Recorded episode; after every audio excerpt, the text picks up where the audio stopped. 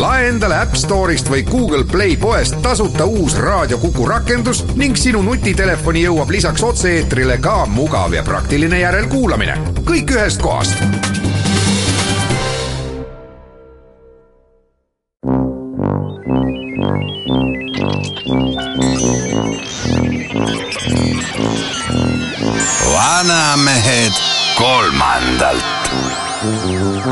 vanamehed aitab kolmandale Eesti Koostöökogu. tere päevast! pärast Pariisis aset leidnud traagilisi sündmusi räägitakse kogu maailmas ja Eestis ka palju sellest, kas ja kuivõrd kasutatakse usku vägivalla õigustuseks ja paljude teiste teemadega seoses, kas või meenutame siin katoliku kiriku sinodit, uuritakse poliitika ja kiriku või poliitika ja religiooni seost ja arutletakse selle üle, kuivõrd kiriku seisukohad või siis teatud religioonist tulenevad seisukohad võivad ka ilmaliku riigi seadusi näiteks mõjutada. selleks, et seda teemade ringi lähemalt uurida ja lahti rääkida, olen palunud saatesse kaks suurepärast külalist, Jaan Tammsalu, Jaani koguduse õpetaja, Tallinna praost, tere Jaan! tere! ja kooliõpetaja, endine Riigikogu liige, minister, praegu Inimõiguste Instituudi juhataja, Vootele Hansen, tere Vootele! tere! Saatejuhi rollis Ülle Madise. alustaks sellest kohast peale, et kas kirik ise, kui me näiteks räägime luteri kirikust või katoliku kirikust, kas tema seab endale teatud poliitilisi ambitsioone, et näiteks mingisugust noh, riigi ilmalikku poliitikat, puudutagu see näiteks sõjalistes operatsioonides osalemist või siis näiteks samasooliste isikute kooselu või või näiteks perekonnaõiguse muudatusi, laste kasvatamist, et nende seisukohad jõuaksid poliitikasse, kas kirik kujundab neid seisukohti? kaheldamatult. kindel on see, et kui poliitikategijad, väga oluliste seaduste muutjad püüavad muuta asju, mis on kiriku jaoks olulised, eelkõige näiteks perekonna mõistet ja ja paljusid selliseid asju veel, siis kindlasti ütleb ka kirik oma seisukoha, kui seda temalt küsitakse või kui antakse võimalus üldse väljaspoolt sekkuda, mis on demokraatlikus ühiskonnas ju täiesti normaalne asi, et seda antakse, vähemalt antakse mingi aeg, mil need, kes asjast teada saavad, võiksid oma häält tõsta või, või vaikseltki midagi ütelda ja kirik on seda, luterlik kirik on seda ja ka teised kirikud Eestis on seda mitu korda ka kasutanud. alati võiks teha kolm tasandit, kirik on inimese noh, usk üldse, räägime mitte kirikust, usust, inimese elu üks oluline osa, siis on see inimese eneseväljenduse vahend. Ja eneseväljendus on alati ka poliitiline ju. teine lugu on nüüd see, et kirik institutsioonina.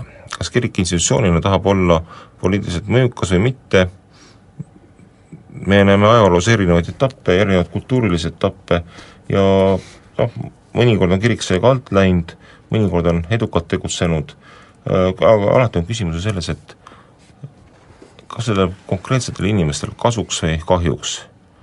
kui me räägime nüüd samast perekonnast, arutame nüüd kahekümnenda sajandi kogemuse põhjal kus on lapsel parem kasvada, kas perekonnas või kasvada pioneeriorganisatsioonis, Hitlerjugendis, mingis muus, mida praegune paavst nimetas ideoloogiliseks koloniseerimiseks, kus sulle pannakse pähe võõrad mõtted, mida su perekond ei valda. Ma arvan, et kirik on alati vastanud väga selge, selge seisukoha, et parem on, laps kasvab perekonnas. see on poliitiline seisukoht tegelikult siit sammuke edasi minnes katoliku kiriku juurde, siis kui valiti praegune paavst, paavst Franciscus, siis noh, arutleti tema vaadete üle ja tema mõju üle katoliku kiriku liikmetele erinevates riikides, aga muuhulgas Ahto Lobjakas näiteks kasutas eh, oma kommentaaris uue paavsti valimisele seesugust väljendust, ma nüüd mälu järgi tsiteerin, et et paavstil on väga universaalne jurisdiktsioon. et noh, ilmselt mitte kohtualluvuse või, või otseselt seaduste kehtestamise mõttes, aga et et ta on üks niisugune institutsioon, kelle mõju on väga suurele hulgale inimestele ja väga laias teemade spektris hästi suur, et kas teie olete sellega nõus? no absoluutselt, kui me mõtleme seda, kui palju on maailmas katoliiklasi, kui palju on kristlasi üldse maailmas, siis paraku paavsti mõju, ma usun, ulatub ka erinevatesse valitsustesse, sest lihtsalt valitsuse liikmed on, on ka katoliiklased või kristlased ja nii edasi.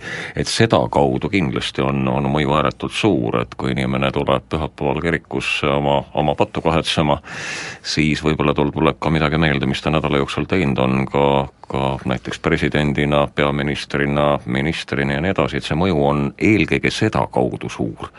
ja ma arvan, et et äh, praegu enne valimisi rääkides, siis nii mõnigi, mõnigi inimene ju näiteks Itaalias võiks ju väga tõsiselt mõelda selle üle, et, et kui ta midagi teeb äh, poliitiliselt, siis võib juhtuda see, et et väga paljud katoliiklased selles samas riigis ei ole sellega lihtsalt nõus, et noh, need mõjud, ütleme, on need otsesed mõjud, kindlasti mitte, ma ei usu, et paavst võtab telefoni ja helistab Obamale ja ütleb, et nüüd on nii, et seda seadust te vastu ei võta. vaid see on kaudne mõju, kus inimene lähtudes sellest, et ta on ristiinimene, et ta on kristlane või siis, et ta on katoliiklane, kui juba konfessionaalseks muutuda, kindlasti arvestab, vähemalt üks osa sellest maailmast arvestab sellega, sel-, sedakaudu. ja no võtame väga lihtsa näite, kuidas tegelikult ristikirik on mõjutanud Euroopa õigusruumi, on perekonnaõigus just nimelt, eh, kas see on meil vabal tahtel põhinev abielu või korraldatud abielu. me teame, et Indo-Euroopa rahvad jagunesid ju kaheks, osa läks Indiasse, osa läks Euroopa poolele, Indias sellel pooltel on siiamaani korraldatud abielu põhiline. üldiselt abielluvad ju onu ja poja-tütred omavahel. peaasi, et noh, varandus jääks perekonda ja sugulusabielud. Risti kirik võitles viissada aastat sellega, et germaanlastel lõpetada sugulusabielud ja Risti kirik tuli võitjana välja see ongi see vabal tahtel põhinev abielu, kus preester enne abielusakramendi seadmist tuletan meelde, et abielusakramenti jagavad abikaasad omavahel, mitte preester. pidi välja selgitama, kas on vabatahtlik abielu. E, veel kord paavsti juurde tagasi tulles, siis e, teie olete selle ala asjatundjad oi ei on..., oi ei, me ei ole selle asja, asjatundjad, mina kindlasti mitte, ma olen luterlane, kes katoliiklusest teab ikka üsna vähe, aga, aga no proovime vastata. vot sellest, sellest ma tahtsingi küsida, et näiteks jõuluõhtul ja ka ülestõusmispühade aegu ju kantakse meilgi üles üle paavsti läkitust, mida ta Vatikanis äh, kogunenud rahvale, siis tegelikult äh, televisiooni ja raadio vahendusel kogu maailmale peab vajalikuks öelda ja siis ma arvan, et paljudel tekib küsimus, et mis minul luterlasena sellega asja. kes on meie jaoks äh, paavst, meie kõik kolmekesi oleme noh, luteri usukoguduse liikmed? ma arvan, et kui ma ütlen enda seisukohalt, siis minu jaoks paavst on inimene, kel, keda ümbritseb ääretult palju, ma arvan, et väga häid nõuandjaid, väga häid spetsialiste, ta on kristliku kiriku kõige suurema konfessiooni juht ja mina küll kuulan üsna tähelepanelikult, mida sellel targal mehel ütelda on. Ja ma ei eelda seda, et üks inimene on üksinda ülimalt tark ja, ja kõiketeadev, vaid ma eeldan just nimelt seda, et tema ümber olev institutsioon, need inimesed, need nõuandjad, see tohutu armee, kes teab maailma asjadest äh, üsna palju, kes omab väga palju informatsiooni, kellel on, kes on piibli asjatundjad jälle omakorda, kristliku usu asjatundjad, et nad oskavad paljudes maailma asjades ka päris mõistlikke seisukohti välja öelda ja selles mõttes äh, tasub kuulata küll. nii nagu me võiksime küsida, et äh, miks me peaksime Fred Jüssit kuulama, eile kuulsin Kõrv kikkis äh, tema sünnipäeval äh, igat tema sõna ja igat pausi ka, et kui üks inimene on ära tõestanud, kui üks institutsioon on ära tõestanud, et sealt tuleb kuldmune, siis äh, mina küll neid kuldmune aeg-ajalt jälgin suure tähelepanelikkusega oleme siin saadet alustanud sellises kenas, hardas ja hariduslikus meeleolus, lähme nüüd siis põhiasja juurde. et paraku õige paljud ka tänapäeval panevad mõne kastrulli plahvatama keset rahvusrikast üritust või siis äh, tapavad julmal viisil teisi inimesi ja kannavad seda veel internetis ülegi. Mõne usutegelase, mõne pühaku nimi huulil, et ehk siis äh, noh, öeldakse viisakalt, et kuritarvitavad vägivalla õigustuseks religiooni. jah, aga selle juures on, tuleb mul meelde kohe üks äh, idast pärit lause, et ei ole olemas nii head asja, mida loll ei suudaks lolluseks keerata. ja ei ole olemas nii halba asja, millest tark ei suudaks midagi kasulikku välja võtta. või nii nagu ütles Fred Jüssi eile, nähtavasti tsiteerides kedagi, aga, aga väga hästi tsiteerides, et kui raamat, kui tahes hea raamat, ja inimese pea kokku põrkavad, siis kõmin ei tule tavaliselt mitte raamatust.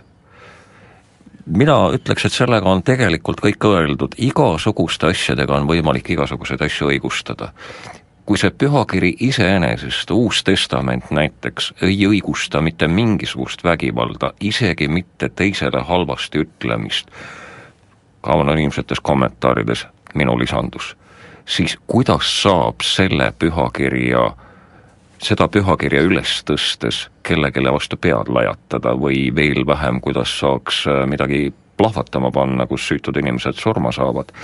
et ütleks nii, et täpselt samuti on ka Koraaniga see raamat ei õigusta sellisel viisil tapmist, nagu need inimesed teevad.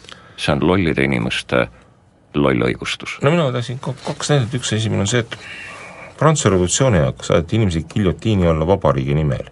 kas vabariik on sellepärast siis halb, et selle nimel tapeti süütuid inimesi, seega fabritseeritud kohtuprotsesside raames, kus need inimesed, noh inimesed on isegi sõnaõigust, et kaitsta Eesti on ka vabariik, ma ei arva, et vabariik on sellepärast halb riigivorm, et äh, vabariigi nimel tapeti inimesi.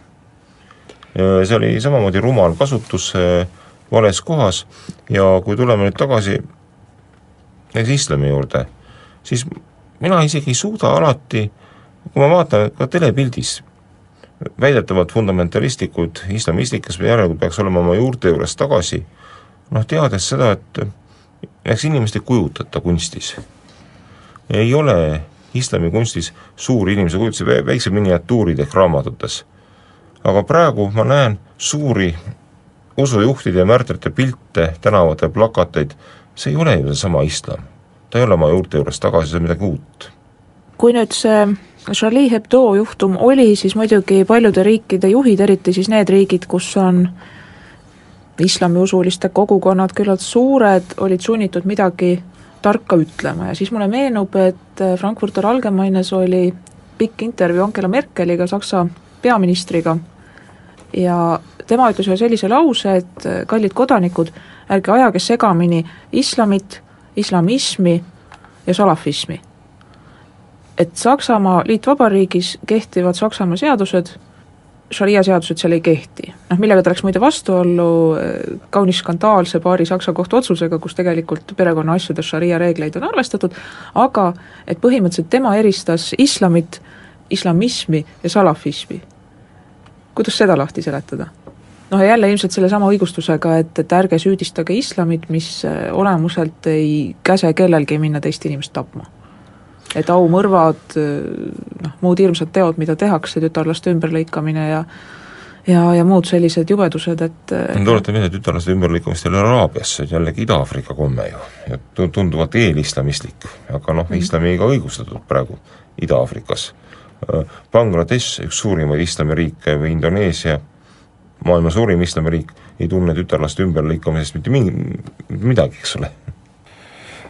küllap on nii, et et äh, selleks peab islamismi, islamit, Koraani väga täpselt ja, ja väga hästi tundma, et, et siin neid erisusi väga täpselt välja tuua. Äh, küll aga võib öelda seda, et ma tuleksin ühe teise mõtte juurde praegu, et et ka minu jaoks on olnud äh, ja jääb olema see inimeste tapmine seal selle ajakirja toimetuses midagi õudset ja õõvastavat, aga natuke vähem küll, aga siiski õõvastav on see, mida ma olen näinud selle ajakirja piltides. ja ausalt öelda, kui te leiaksite mõnes järgmises kroonikas analoogseid pilte oma emast ja vanaisast näiteks, kus üks seisab teise, teise taga ja, ja teeb teisega midagi. aga sellised pildid on tulnud kolmaine jumalast näiteks, seal, seal on, see, see läheb nii võikaks välja, et see on nagu piiride pidev nii-öelda, vaatame, kas see ka veel mõjub, vaatame, kas nad nüüd ka veel tulevad, vaatame, mis nüüd ütelda on, see demokraatia mängimine kõige nii-öelda sopaga ülevalamise nii-öelda egi- äh,, valamisena, see on läinud üle igasuguste piiride minu jaoks. et pidev selline proov, et, et kui kaugele veel, aga nüüd meie kaitseme demokraatiat, et ütlen, ma ei õigusta vägivalda, kindlasti mitte, aga ma ei suuda aru saada inimestest, kes mõnitavad kõike seda, mis on paljudele inimestele ääretult püha.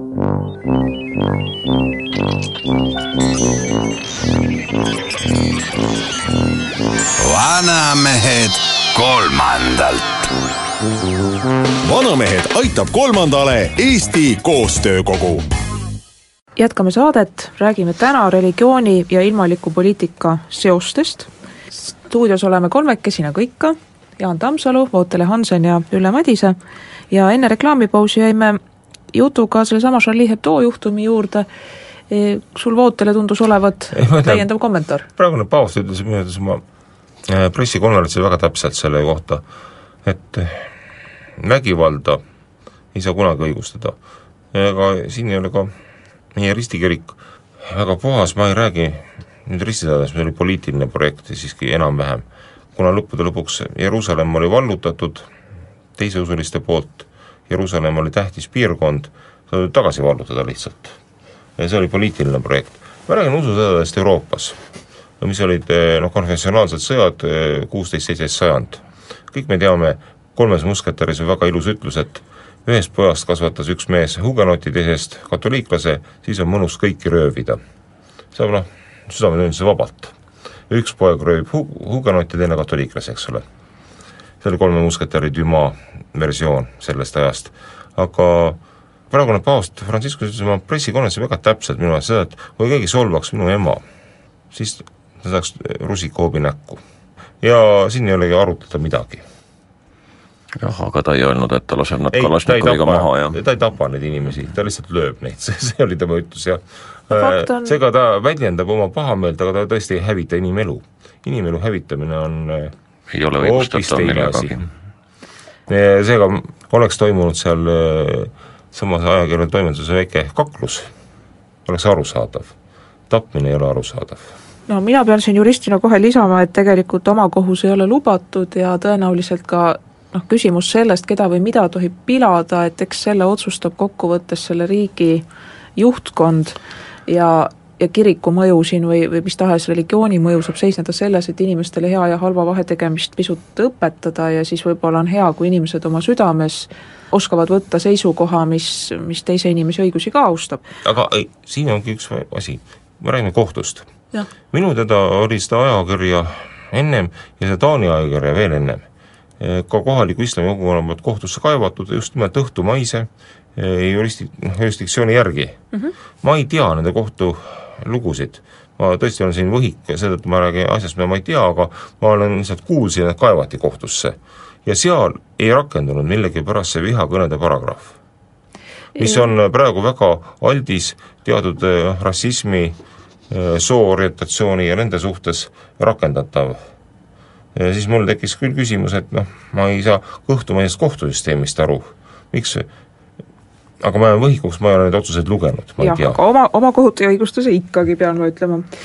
üks küsimus, mis minul on tekkinud ja ilmselt on see tekkinud paljudel, on see, et kas, et see on jällegi väga vastuoluline, ma püüan seletada mõne sõnaga, et kas see, et kirik kipub olema küllaltki konservatiivne ja mitte minema kaasa sellega, mis ühiskonna enamuse jaoks on normaalne, et noh, näiteks siin Eestis meil eh, noh, me teame, kui palju lapsi sünnib väljaspool abielu, kui paljud inimesed elavad koos eh, noh, vabaabielu vormis ja võib-olla veel mingites muudes vormides, et ja samal ajal ütleme, nagu kirik seda võib-olla ei, ei tunnusta. või ei tunnusta sellisel määral ja sellisel viisil, nagu tahaks, et siis võib-olla jääb kirik üha rohkem kaugele ja religioon kuidagi kaotab oma tähtsust inimese hea ja kurja tundmise puu ühe võimaliku kasvatajana. aga teiselt poolt jälle kõikjal Euroopas nähakse seda, kuidasmoodi noored, eelkõige noored korraga pöörduvadki just millessegi nagu väga konservatiivsesse, et lähevad siis nendesse erinevate, erinevate usukoguduste tiibadesse, mis on peaaegu et radikaalsed, et läheks kuskile võitlema, lööks kellegi maha selle usu nimel, noh, väga ranged reeglid, osa inimesi pöördub äärmusislamisse näiteks või, või hakkab äärmuskatoliiklaseks, et mis toimub? mina ütleksin selle peale nii, et et äh, me vist jälle praegu teeme seda, mida ka meie ühiskonnas väga sageli tehakse, et me võtame siiski nii-öelda miljonitest noortest äh, üheksa kes läksid ja ütleme, noored lähevad, noored teevad ja nii edasi ja nii edasi, minu tutvusringkonnast ja minu laste ja lastelaste tutvusringkonnast pole küll keegi veel läinud ja, ja, ja nad ei pöördu kuskile sellisel viisil, et eh, kaheldamatult on see, et inimestel on tänapäeval järjest enam ja enam igav ja palju vaba aega igasuguseid mõtteid mõelda ja igasuguseid eh, uusi teid otsida. Mm, nende elu on, paljude elu on väga mugavaks tehtud ja üks osa inimestest jälle omakorda ei suuda selle üldise liberaliseerumisega väga hästi kohaneda ja nad otsivad midagi kindlamat, midagi, mingit pidepunkti. eile selle saate salvestuse mm, eelpäeval oli üks matus, kus vana meremees äh, oli ärasaatmisel ja ja keegi meenutas ta ühte laus, tema ühte lauset, mida ta pidevalt äh, oli korranud, et et see, kui sa enda meelest õiges suunas sõuad või, või paati ühe koha peal kinni hoiad, äh, ei tähenda veel seda, et sa õige koha peale välja jõuad, sest sa pead jälgima ka hoovusi, mis on su all. ja vaata, need hoovused võivad olla vahetevahel nii tugevad, et nad triivivad sind ära. Mm, olgu merele, kus sa enam tagasi ei jõua. Ja ma arvan, et osad inimesed on hakanud seda, seda hirmu ka tundma, et, et need väga kiirelt muutuste hoovused võivad meid triibida kuskile, kust me enam ei, ei näe ei majakat ega, ega midagi muud ka kunagi ütles üks Johansonidest mulle, kui ma hädaldasin, et maailm hakkab hukka minema, noh, niisugune vanainimese jutt, nagu minult oodata võibki ikkagi vanamehed ju kolmandalt, siis äh, tema ütles ühe lause vastu, et mida hullem, seda parem.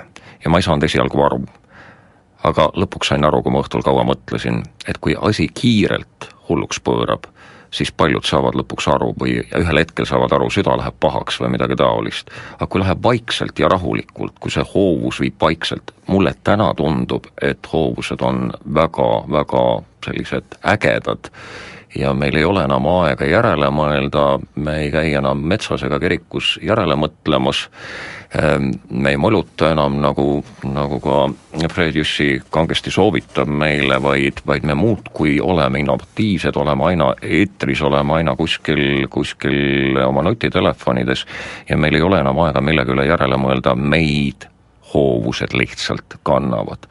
ja nende kan-, nende hoovuste keskel lihtsalt mõned inimesed kas ärkavad või siis nii-öelda lähevad tuhat nelja sinna nii-öelda hoopis vastassuunas, kuhu nad tegelikult minema ei peaks, kui sinu küsimusele nüüd lõpuks ikkagi vastata.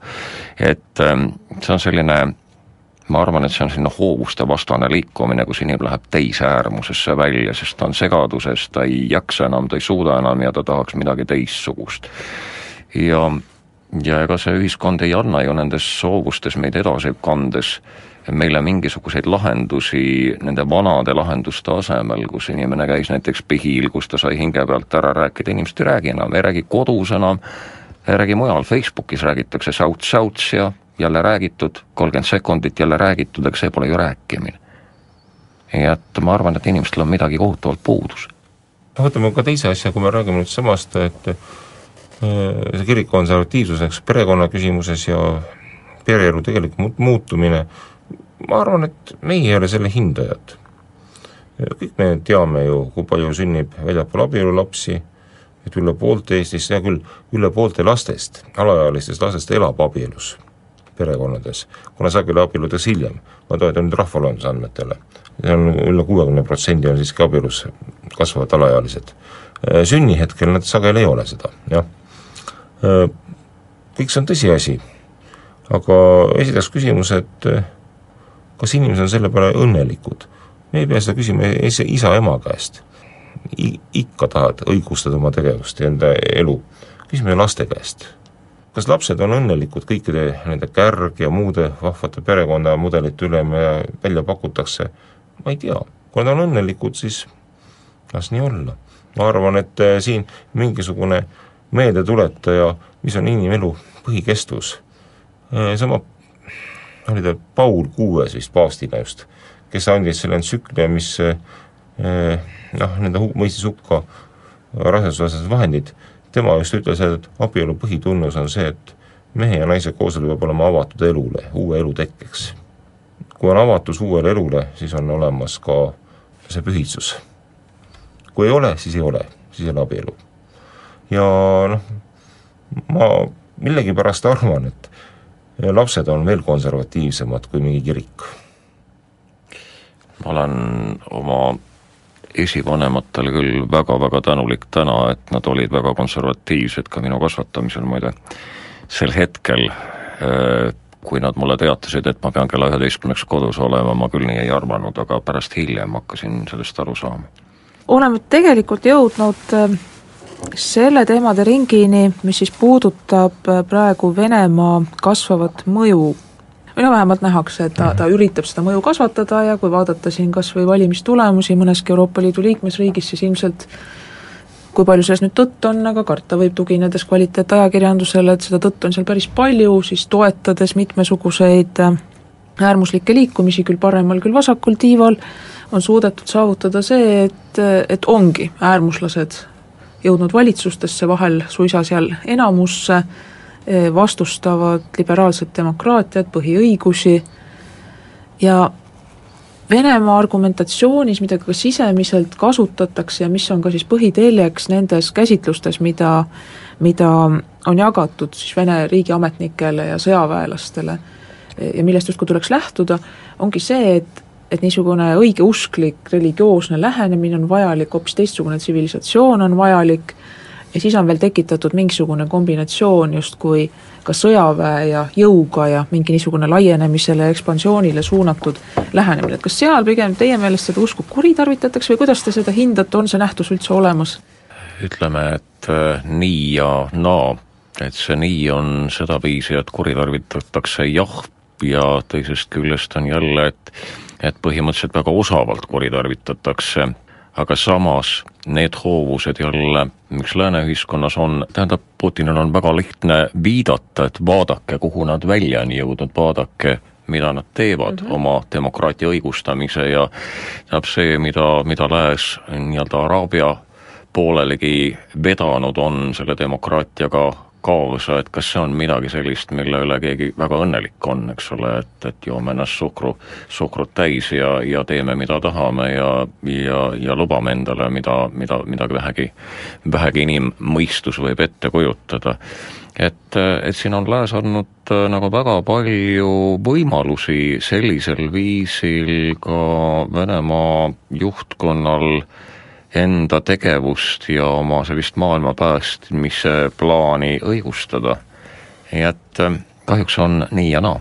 no mina ütleks ka seda, et lääne liidrid, kes vastustasid Venemaad ja ka omal ajal Nõukogude Liitu, olid idealistid. ja sageli religioossed idealistid, ütleme Tony Blair, äh, Bush, Reagan, äh, nemad panid idee idee vastu. kõige hullem, mis lääs võib välja panna, on pragmatism nii on kombeks, nii on, tehakse, see on see reaalpoliitik, see on, reaalpoliitikule saab alati vastu panna idee. ja Putin teebki seda ju. praeguse läänemaailma vastus ei ole ju idealistlik. hea küll, idealism on sageli vägivaldne, ma olen sellega nõus, kuna idealism kasutab, no ta arvab, et oma ideid võib läbi suruda ka jõuga. no see on seesama Bush Iraagis, eks ole. aga me ei saa öelda, et Bushil polnud ideed, tal oli idee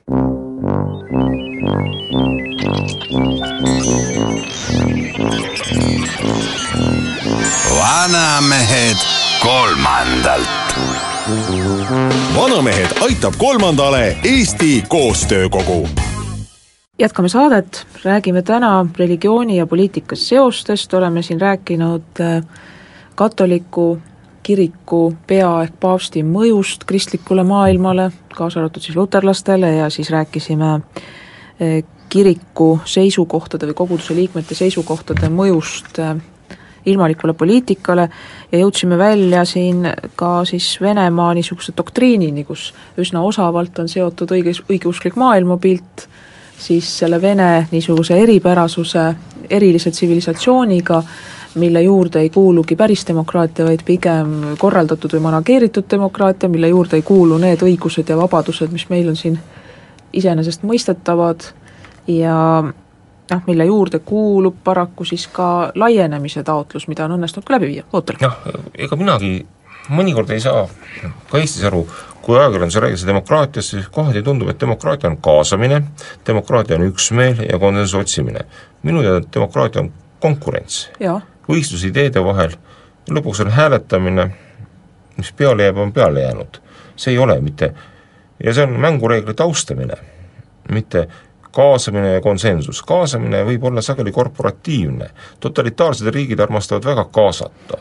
tunnen, Nõukogude Liit tegi pidevalt mingeid rahvaarutelusid ja värke, aga demokraatiat seal ei olnud, seal olnud võistlust ideede vahel. no demokraatia ebameeldivus seisnebki ju selles, et ta oma olemuselt on, on konflikt, et hirmsasti tahetakse, et on üks ja õige seisukoht, üks ja õige lähenemine, üks ja õige mõte, tuleb see lihtsalt osavalt üles leida aga tegelikult see algpõhjus ongi ju see, et inimhinged, inimesed, nende huvid on erinevad ja me ei saa inimesi selles süüdistada, et nende, nende omadused, tunnetused on õige erinevad ja nende arusaam sellest, mis on õiglane maailmas, on ka väga erinev.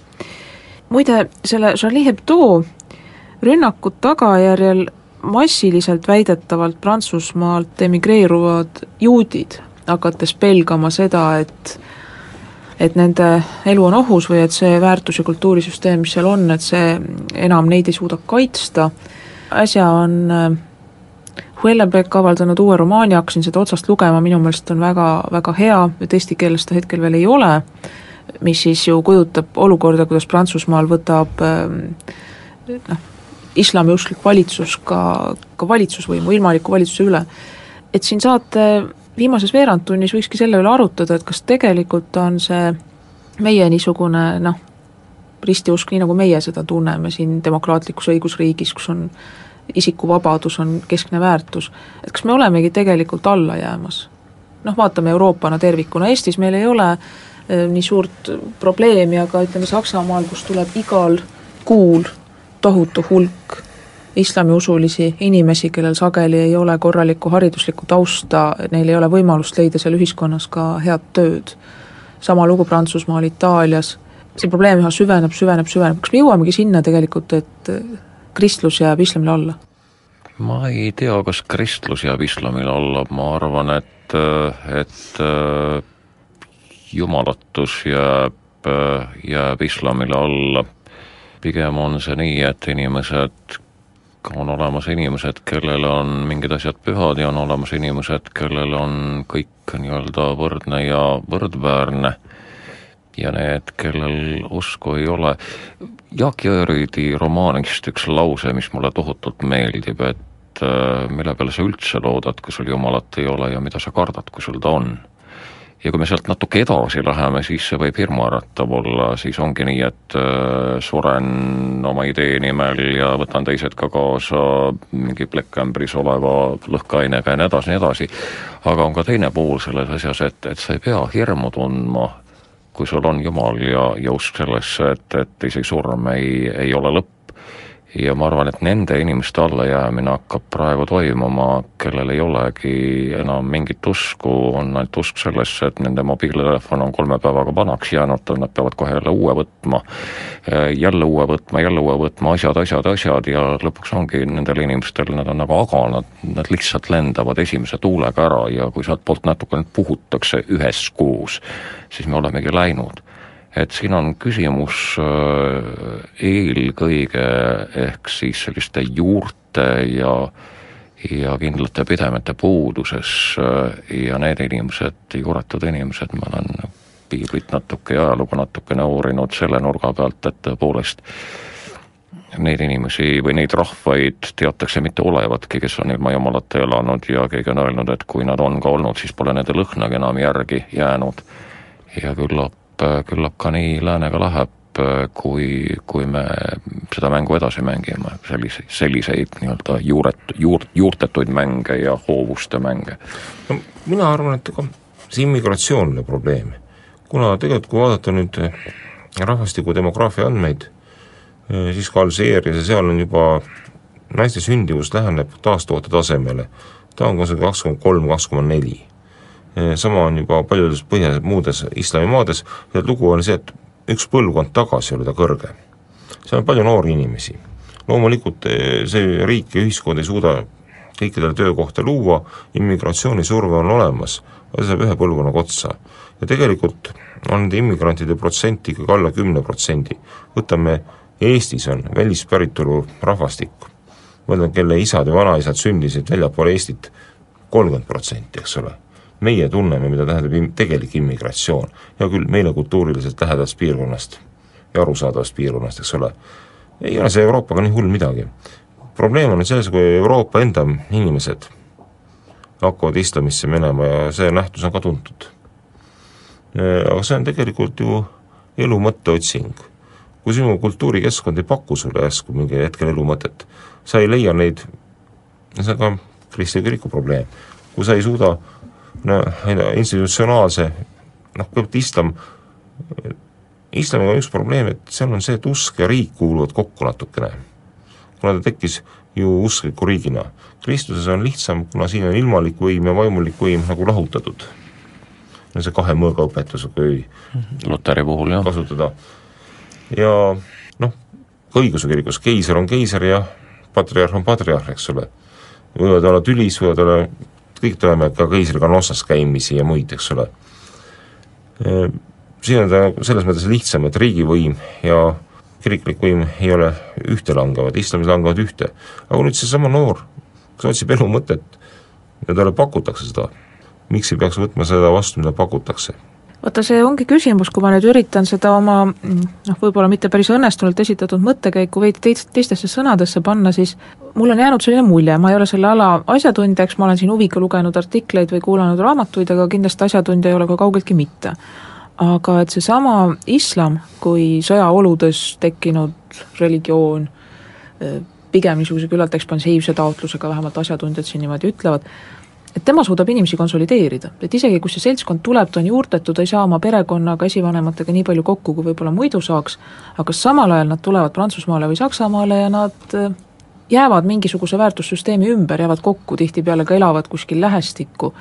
ja et see suudab kuidagi inimesi rohkem panna noh, ühesuguste reeglite, ühesuguste väärtuste järgi käima, kui, kui ristiusk, mulle tundub, et võib-olla katoliiklus on tugevam, oh väga hea, Jaan juba raputab pead, nii. Jah, ma arvan, et see ei ole, see ei ole religiooni nii-öelda süü või, või, või, või, või häädus, vaid, vaid küsimus on selles, et kui paljud inimesed üldse on selle religiooni juures, tegelikult juures ja südamega juures. Ja, ja, ja, ja see on jälle seesama, mida ma just ennist ka rõhutasin, et, et küsimus ei ole selles, et kas kristlus on nõrgem, muhameedlus on tugevam, tugevus on olemas mõlemas, kui neid tõsiselt võetakse. aga kui on meeletu hulk kristlasi, kes kristlust tegelikult tõsiselt ei võta, kes häbenevad võib-olla rahvaloendusel isegi ütelda, et nad ristiinimesed on, no siis paraku, kes neid üldse tõsiselt võtab, ei võta see muhameedlane neid tõsiselt ja ma usun, jumal ka ei võta lõpuks neid tõsiselt. no see on see vana lugu, et selles pole probleemi, kui inimene kaotab usu jumalasse, probleem on see, kui jumal kaotab usu inimesse. kuna tegelikult usk ja usaldus on kahepidine. Kas mina usun või mind usaldatakse, aga mis ma tahtsin öelda, et eh, ei saa ristiusku sugugi nõrgaks pidada, minu üks meeldivamaid tekste, ma tean, et rahvusromantikutele see võib olla natuke ebameeldiv, aga lugeda Läti Henriku kroonikast neid hetki, kus mingi Eesti linnus alistub Riia piiskopi vägedele ja võtab vastu ristimise, just Läti Henrik kirjeldab ja siis me suhtlesime nendega kui vendadega. Tähendab, see oli omaks võtmine, me oleme kor-, järsku eile veel olime vaenlased, aga nüüd oleme vennad. Jah, aga ma jään selle juurde, et küsimus on, kuivõrd tõsiselt keegi oma usku või kas või ka uskmatust võtab, et et see, kui keegi siin Eestis omal ajal üleskutset tegi, et ärge laulge, laulge Eesti hümni viimast salmi, kui ma siis palusin reporterilt küsida käest, et äkki ta ütleks, milline on Eesti hümni teine salm, siis ta kokutas seal mikrofoni ees päris pikalt. ja ütles, et kui ta laulaks, siis tuleks meelde, noh, reporter ütles siis laula. no laulma ka ei olnud nõus. et me oleme nii kõvad, kas vastased või pooltolijad, aga, aga meil ei ole sisu tihtipeale selle juures ja, ja küsimus ongi sisus kas me, kas me võtame midagi omaks või ei võta omaks, kas me oleme milleges kinni või ei ole kinni, või laseme hoovustel ennast kanda ja hoovused kannavad meid olgu merele, see on paratamatu. minu jaoks on alati küsimus ka usuliste tunnete väljanäitamise siirus. ja minu meelest nende tunnete ebasiiras väljanäitamine on vähemalt inetu, kui isegi võib-olla mitte patt otsapidi. aamen. jah, et, et kui sa nüüd vaatad kas või noh, Ameerika Ühendriigid, meie head sõbrad iseenesest, aga et vaadake, kus nende poliitilise elu osa on tegelikult piibel ja, ja kirik, et, et kuivõrd teie arvate, et tegelikult oma juttudes, oma vannetes, käsi piiblil vandumises, et kui palju seal on seda tõsidust täna veel?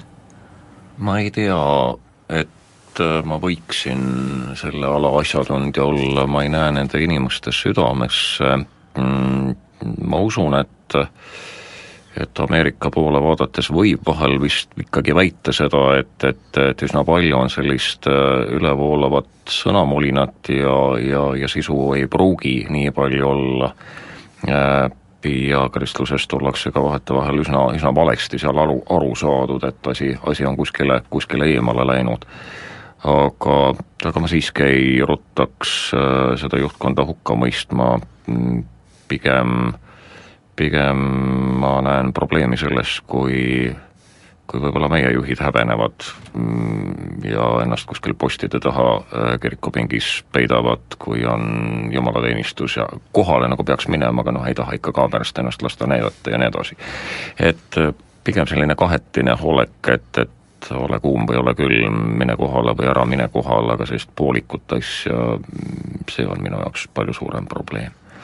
Nii et ärme sealt kaugelt väga palju otsime, vaatame siia lähedale. et seal on äh, võib-olla selline asi ka, et, et jällegi, kui sa vaatad, et kirikus on seal eriti just iseseisvuse taastamise järel, et siis just nimelt esimesse pingiritta üks kord aastas, siis kui kaamera kohal oli mm, -hmm. ilmusidki vipid kohale, vaata minu jaoks on ka selles üksjagu silmakirjalikkust, selles mõttes minule ja. meeldib veel pigem see, et, et kui Posti inimene taha. on tõsine kristlane ja kui ta ei taha, eks mm -hmm. ole, siis las ta olla ei no tõele tuleb anda, niisugune nähtus nagu edureligioon on ka olemas kuigi ristiusk peaks nagu rohkem rääkima risti kandmisest ja kannatuse kaudu lunastuse saamisest. ja ärajagamisest. ja ärajagamisest, jah. siis eh, on olemas ka see, et kui oled ikka nüüd õige inimene, siis tõotused kehtivad, oled edukas ka siin maises elus. noh, kõik me teame, et see nähtus on olemas, ristikirikule mitte väga võõras, erinevates aspektides ilmnenud ja no siis ikka pead olema esirinnas ja parimates kohtades ja peolauas ja kutsutud paremates kohtades, eks ole, no ikka juhtub. mis iseenesest ei ole tegelikult Kristusele üldse omane.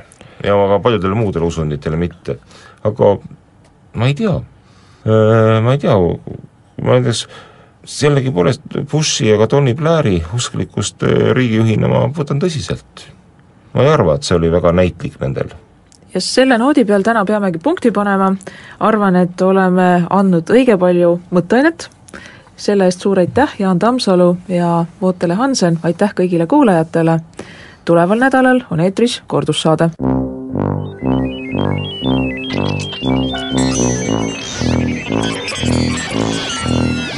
vanamehed kolmandalt. vanamehed aitab kolmandale Eesti Koostöökogu